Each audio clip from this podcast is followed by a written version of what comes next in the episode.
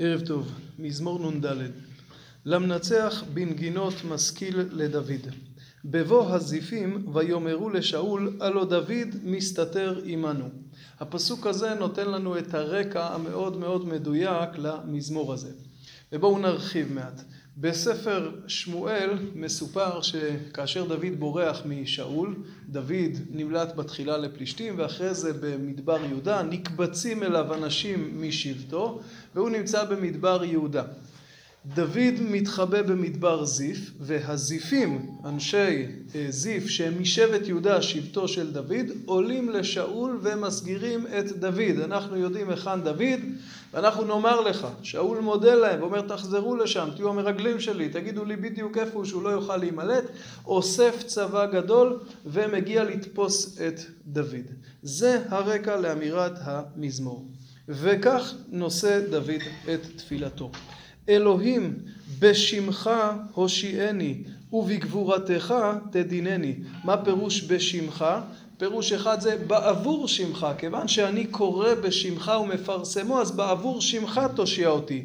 או בשמך פירוש במידתך שאתה מושיע חוסים, כך אומר המלבים.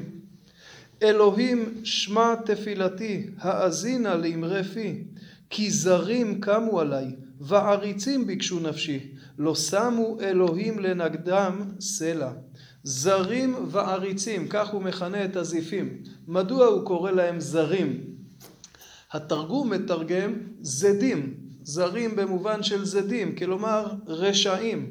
אבל גם אם נסביר את זה כפשוטו, אפשר להסביר את זה באחת משני, באחד משני אופנים. זרים פירושו של דבר הם זרים לשאול. פרק קודם, שאול, בספר שמואל, שאול אומר לכל בני בנימין, מה קורה איתכם? אף אחד לא מגלה לי איפה דוד, קדימה. אם דוד יהיה מלך, לא תקבלו כל מיני הטבות שאני נותן לכם. אז זה שבני בנימין עוזרים לו, זה מובן. אבל אתם זרים לשאול, מה פתאום מה פתאום אתם עוזרים לו? אבל אולי יותר מזה, זרים זה אתם נוהגים בי כזרים, אתם מבני שבטי, הייתי מצפה מכם להתנהגות אחרת, אבל אתם נוהגים בי כזרים.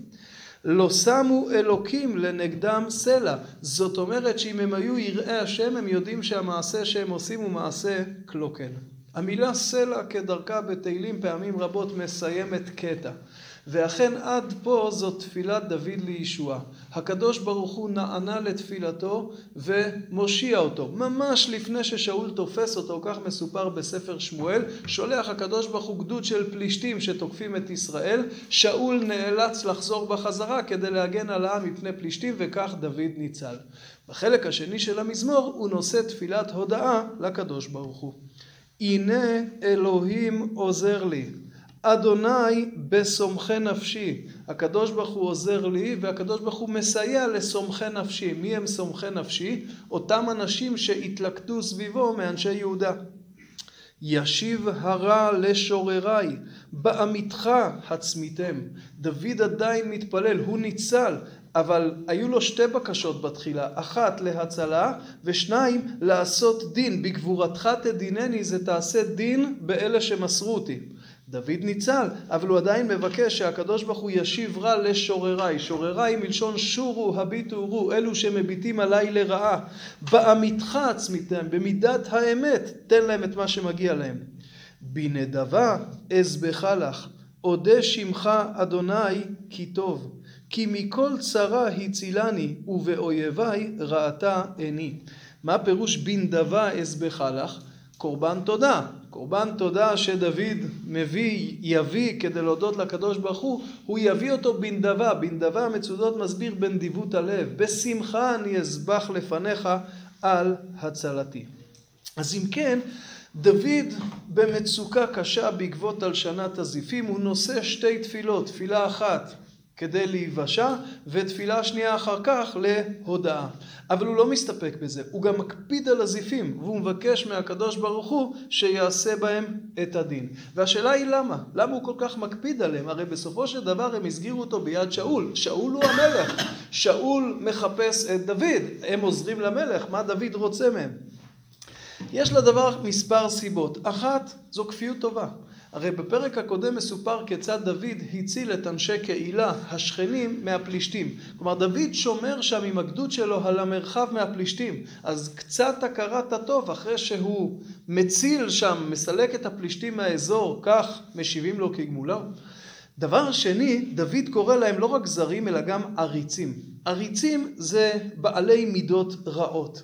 כלומר, למה הם עשו את זה? האם הם עשו את זה כי כל כך היה חשוב להם שאול? כנראה שלא. כנראה שזה נבע ממניעים שליליים. אולי הם רצו לגזור קופון. אם אנחנו נסגיר את דוד לשאול, אז שאול יוקיר לנו טובה, ואולי מסיבות אחרות.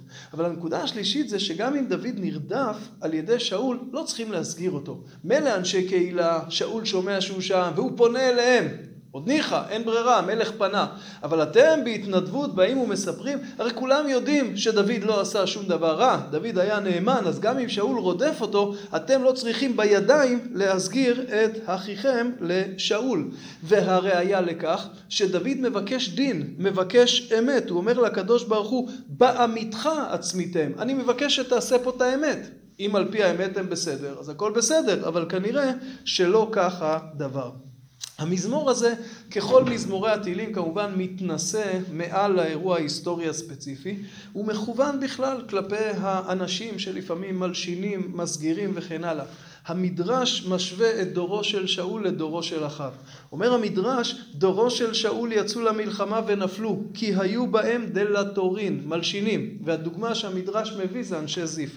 דורו של אחיו היו עובדי עבודה זרה, ועל ידי שלא היו בהם דלתורין, יוצאים למלחמה ונוצחים. זאת אומרת, כאשר יש אחדות, כאשר יש אחווה, כאשר דואגים אחד לשני ולא להפך, אז לפעמים זה מכפר גם על פגמים שבין אדם למקום, והקדוש ברוך הוא איתם בכל זאת, ואת הלימוד הזה רוצה דוד כמובן ללמד במזמור. ערב טוב.